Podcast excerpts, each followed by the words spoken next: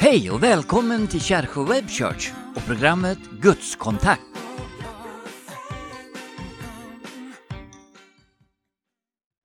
Välkommen till Kärsjö Web Church och vårt program, eller vår programserie Gudskontakt. Ikväll kommer vi att ha Jan-Olof Sundin tillbaka. Det kommer att bli jättespännande. Han eh, undervisar och har gjort det tidigare. Men han undervisar ikväll om Är Bibelns skapelseberättelse trovärdig och relevant? Mycket intressant. Och är du intresserad så kan du gå tillbaka i vårt arkiv på taltmissionen.se. Där hittar du våra tidigare program i Kärsjö Web Church och där hittar du också Jan-Olov med eh, sin, eh, ja, sin undervisning helt enkelt. Innan vi släpper fram nu Gunnar Johansson som kommer att vara med och Jan-Olof Sundin så ska vi lyssna till en sång.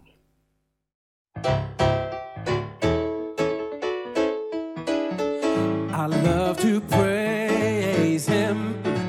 I love to praise his name. I love to praise him. I love to praise his name. I love to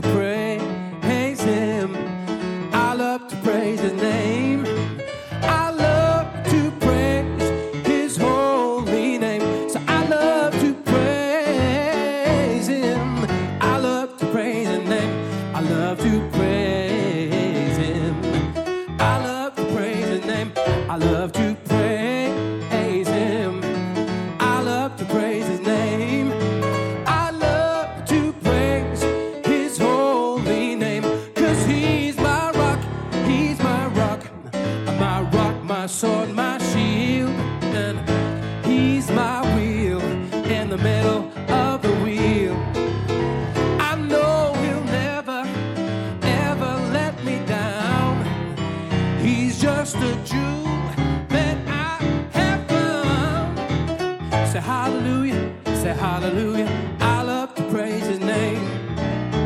Hallelujah, hallelujah. I love to praise his name. Good God, hallelujah, hallelujah. I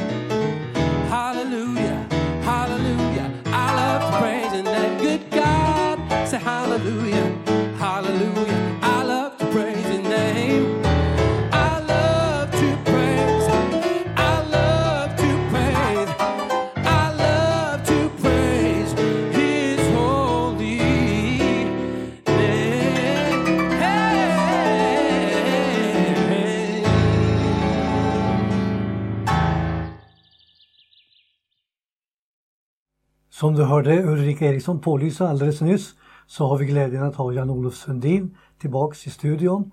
Han har ju öppnat upp med några program under temat Är Bibelns skapelseberättelse trovärdig och relevant? Och nu har vi som sagt förmånen att ha Jan-Olof på plats igen. Välkommen Jan-Olof! Tack så mycket. Tack. Känns riktigt trevligt att du är här igen. Ja, mycket roligt. Ja. Mycket roligt. Eh, jag vet ju att du har fått en hel del frågor och vi har ju också fått in det till studion och till våra program. Men jag skulle vilja fråga dig någonting innan du tar itu med dina frågeställningar. Eh, hur har du upplevt det inför att få aktualisera de här programmen, ämnena? Ja, under våren så var det oerhört spännande för det var ju, jag menar det är ju en sak att sitta och prata med folk men prata i ett sånt här medium då, då ställer man sig ju frågan, när kan jag verkligen stå på det här som jag säger? Ehm, och det är ju faktiskt så att även mina kristna kamrater, eh, systrar och bröder och, och ehm, är ju ofta övertygade evolutionister. Och det är inte så konstigt därför att skolan, media och inte minst evolutionstroende forskare. Ända sedan 1859, uh, eh, The Origin of Species, när um, Darwin gav ut den boken, har ju basunerat ut falskeligen att evolutionen är bevisad. Eh, och då har jag bara en kort frågeställning och den passar verkligen bra med det du sa nu. Eh, hur uppfattar du själv att du har fått aktualiserat det här ämnet? Tror du att det är viktigt som du får göra? Ja, det tror jag. Det är därför jag sysslar med det. För jag har ju själv för bara några år sedan varit i samma dike. Att jag har trott att det var sant. Därför att det är det jag har vuxit upp i skolsystemet och blivit lärd. Men faktum är att det finns inga bevis för evolution. Det är faktiskt precis tvärtom, att alla vetenskapliga fakta bekräftar skapelse. Spännande! Ja. Nu ska du få använda tiden för det här blir ju intressant. Ja. Ska lyssna med stor glädje. Varsågod Jan-Olof Sundin. Tack så mycket. Det heter Bereshit. Um, vad då för någonting? Jo, det första ordet i Gamla Testamentets första Mosebok, första kapitel, första vers. I begynnelsen. Det säger man på hebreiska, Bereshit. För man använder franska R i hebreiska. Det är ju ett viktigt ord. Och eh, en ateist har ju en annan gud.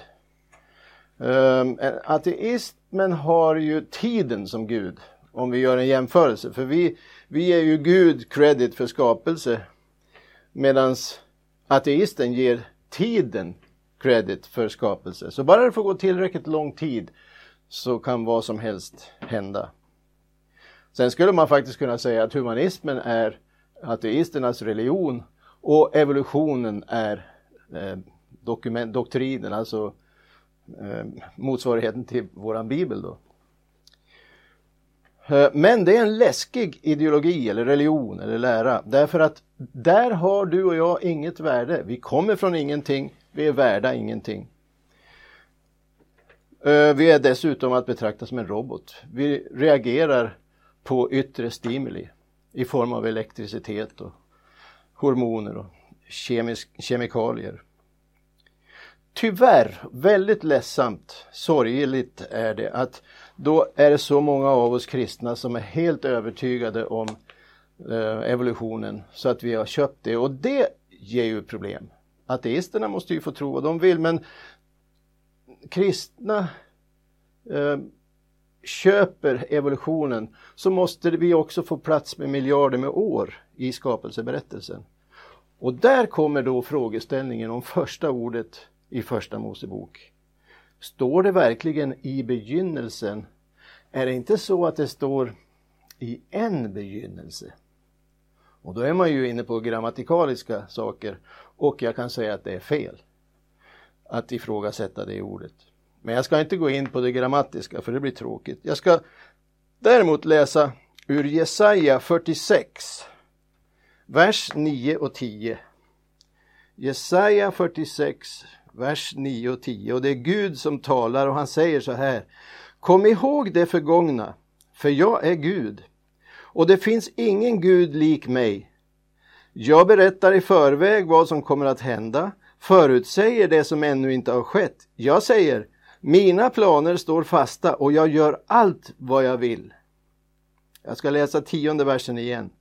Jag berättar i förväg vad som kommer att hända. Förutsäger det som ännu inte har skett. Jag säger, mina planer står fasta och jag gör allt vad jag vill. Det jag vill peka på idag angående första ordet i första Mosebok det är, kan det verkligen vara så att Gud redan i första ordet har berättat hela historien för oss? Ja, jag är helt övertygad. Vi får se vad du tänker när du har hört vad jag säger. Om vi då istället för att ägna tid åt ateismens evolutionslära och istället läser skapelseberättelsen så framträder ju bilden av en kärleksfull och omtänksam fadersgestalt som först skapar en plats, kaotisk, men Gud ordnar upp saker, separerar vattnet från land, eh, skapar växtlighet som ska bli till mat för det som skapas sedan, till exempel för människan. Eh, och den här maten, den är inte bara hur som helst. Eh, den består i sina beståndsdelar av exakt de saker som våra celler behöver ha för att laga sig och bygga och så vidare. Jag ska ta två exempel. Kolhydrater, om vi äter Leksands knäcke som någon gjorde här, vilket ju är jättegott, då bryts det ner redan i munhålan, amylas, svajs ner i magsäcken och fortsätter att brytas ner av olika enzymer. och ner i mag-tarmkanalen där är det miljoner med bakterier som bryter ner till enkla sockerarter. Och då kommer det in i blodbanan, då kan det passera över in i blodet. Men det är hemskt om, det, om vi har socker i blodet för då blir det infektioner och vi dör. Alltså måste vi ha enzym där också. Ett så kallat, eh, ja ni vet, eh, insulin måste vi ha. Och då transporterar insulinet det hela till cellerna som tacksamt tar emot socker. Och då kan de göra om det ytterligare en gång till något som heter ATP, cellens energi. Och det betyder inte allmän tjänstepension alltså, utan om ni har trott det förut så ska ni veta att det betyder adenosin trifosfat. Protein är ju precis samma sak. Det bryts ner på samma sätt och blir till aminosyror som cellerna då kan använda till att bygga eh, proteiner, som bygger celler, som bygger vävnader, som bygger organ och som bygger hela Jan-Olof Sundin och alla oss andra. Jag satt vid kaffebordet Eh, för ett tag sedan och fick frågan, är det på det viset att som det är med, med islam, att man får inte översätta Koranen eh, från arabiska till något annat språk utan man måste läsa och förstå Koranen utifrån arabiska. Och svaret på den frågan är ju att nej, så är det inte. Utan eh, varken i Tanak, alltså Gamla testamentet som vi säger, eller Nya testamentet finns det några sådana dekret. Och faktum är att det enkla budskapet som är det grundläggande och viktiga budskapet i kristendomen det är ju att ta emot Jesus, att, att tro på Jesus. Och det kan man ju göra som 11-åring, vilket jag gjorde. Men det är ju fascinerande att jag fortfarande vid 66 tycker att det finns, jag är ju långt ifrån i mål. Det finns hur mycket som helst. Och när man, det jag däremot kan säga om, om språk, översättningar och så vidare från hebreiskan till andra språk, det är det att jag har upptäckt att vi går miste om nyanser när vi, läser på, när vi översätter och läser på andra språk. Och det ska jag visa på innan jag går in på det här första ordet i begynnelsen, Bereshit. Och jag ska ta exempel, då ska vi titta på den här tavlan. Vi ser här så har vi bokstaven A. Den heter Alef. B heter Bet. Eh, den där heter He. A, B, H. Och de, sitter in, de följer varandra inte på det viset utan det är på samma sätt i, i hebreiskan som i, i svenska alfabetet. att eh, H kommer längre fram. Men jag har de tre för att visa på det jag vill visa er. Därför att hebreiska språket, till skillnad mot de bokstäver som vi är vana med. Vi är vana med bokstäver som inte har någon egen betydelse utan eh, bokstäverna tillsammans ger oss ord med eh, ljud som ger oss ord och betyder meningsfulla koncept, meningar. Men i hebreiskan så är det annorlunda.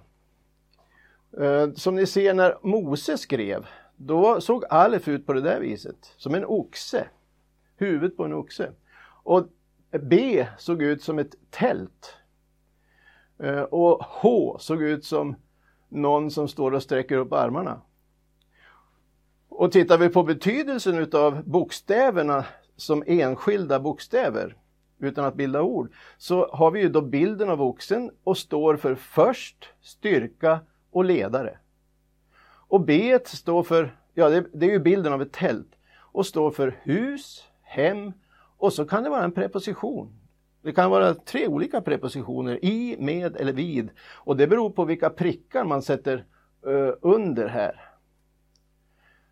Uh, och sen har vi H, hä, som är bilden av uppsträckta händer och står för vind, ande, skåda, avtäckt, uppenbarad. Om vi då går ner hit så har, vi då tag, har jag tagit de två första bokstäverna Alef och Bet, A och B, som då tillsammans bildar ordet fader. Och det känner vi ju igen, ABBA fader eller popgruppen ABBA. Eh, vi känner också det ifrån eh, Bar Abbas. Bar betyder son och Abba eh, betyder ju fader och så då blir det faderns son. Han som blev frisläppt när Jesus inte blev det.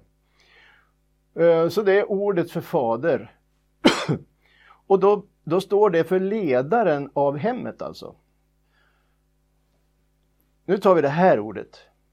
Då har vi A och B, men vi sätter i H. Då får vi ordet för kärlek, ahav. Och då får vi en betydelse av Faderns grundläggande egenskap.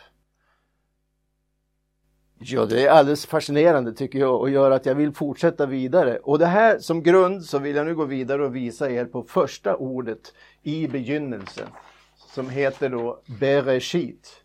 Ni läser den naturligtvis som Tysarbe för vi är vana att läsa därifrån dit men nu ska ni läsa det från höger och då blir det Bereshit. Och då har vi lite nya bokstäver men några känner vi till nu. Första det är ju hem, tältet. Sen har vi R, Resh heter den bokstaven och betyder prins. Vi har också Alef som betyder fader och så har vi tänderna här som krossar och förgör kanske. Men det är också Guds signatur för att markera sitt ägarskap som det står i andra krönikeboken 7 och 16 när Gud talar om att han har fäst sitt namn vid Jerusalem. Det jag också vill säga där är att um, Sem, Ham och Jafet. Sem, det är den här bokstaven och den kan heta både S och Esh. Eller Sh. Shem. Uh, och det ordet, det betyder namn. Punkt. Inget mer.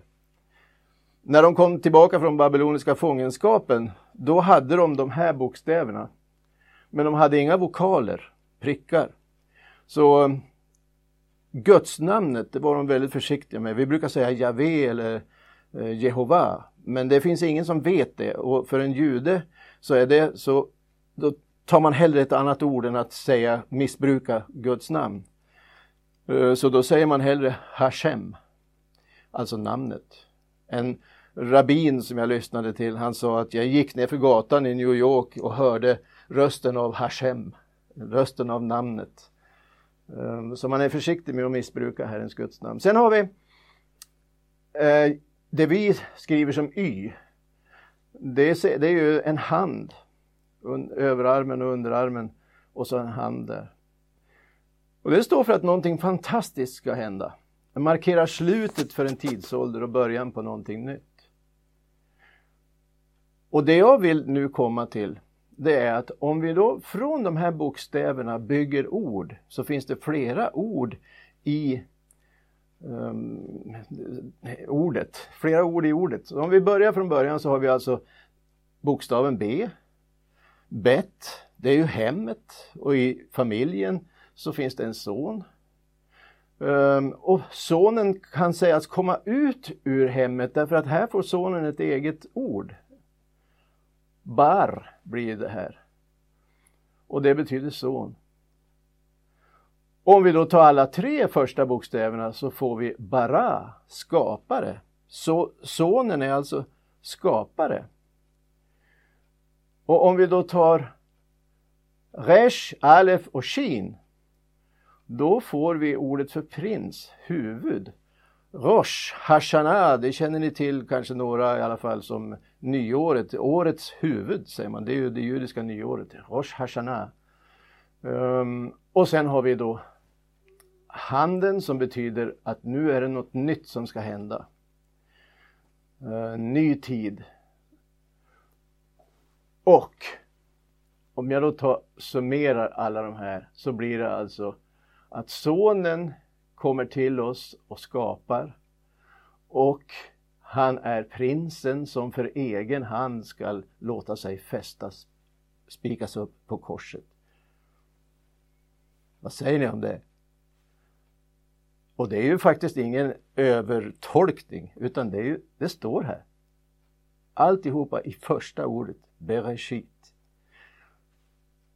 Kan det faktiskt vara så att Gud har redan från början berättat allt för oss? Ja, det är frågan. Jag är övertygad. Men vad säger ni andra? Du Gunnar till exempel. Vi kan ju i alla fall vara nöjda med att första ordet har en betydelse i Bibeln. Sen så kan man ifrågasätta det från olika håll, men visst är det fascinerande? Jag måste säga att för det första tycker jag det är intressant, det är det jag säger. Ja, Väldigt spännande. Och jag tror att ni som är med oss i programmet, ni förstår ju att det här har ju Jan-Olof studerat, hållit på med. Så att han, eh, det är inte för att briljera utan det är för att du vill Ja, att vi ska lite förstå. finns det nog. Finns det lite grann? ja det finns alltid det. Ja, men jag vill bara upprepa det Ulrika sa att eh, om du nu vill få en helhet då skulle du kunna gå in på www.taltmissionen.se och leta upp tidigare program som handlar just om Bibelns skapelseberättelse, eh, trovärdig och relevant. Och lyssna också på det och sen kom till det här programmet. Ja. Men nu är poängen att det är inte slut för det kommer att fortsätta. Ja, nästa program då blir det en fortsättning på Bereshit eh, lite grann till, men jag knyter ihop det med nästa ord som är attackerat och det är ju ordet för dag. Betyder en bety, är dag en dag 24 timmar eller är inte miljarder med år? Åtminstone miljoner. Ja, men det tror jag vi alla också tycker blir spännande. Därför att det har man ju hört många liksom försöker på med någon egen tolkning om det här med dag. Att det blir liksom en förskjutning i hela skapelsebiten. Mm. Men det ska du utveckla. Det ska jag utveckla. Ja. Men du, vi måste ju få säga ett stort tack för att du har gett oss det här idag. Och eh, jag hoppas att ni känner likadant, ni som har följt programmet. Och eh, var gärna med även i fortsättningen. Jag kan berätta att eh, planerna är att sända detta program med Jan-Olof eh, under vecka 45. Så ni vet om det, att det här programmet kommer som veckoprogram under vecka 45. Vi har ju i Kärsjö Webchurch delat in våra program på det sättet att vi sänder nytt program varje vecka. Men som sagt, eh, ibland får man sluta när det är som på topp. Och det var väldigt intressant. Ja, tack tack. Jan-Olof, Tack. stort Ja, tack. Roligt. Och eh, jag vill bara säga det att vi kommer tillbaks nästa vecka med ett spännande program. Och eh, du får vara med och eh, kolla upp så får du se att det blir också någonting nytt som vi levererar. Och sen ska du inte missa det här med att få höra Jan-Olof Sundin fortsättningsvis. Tack för att ni har varit med oss idag i dagens veckoprogram. 100 procent.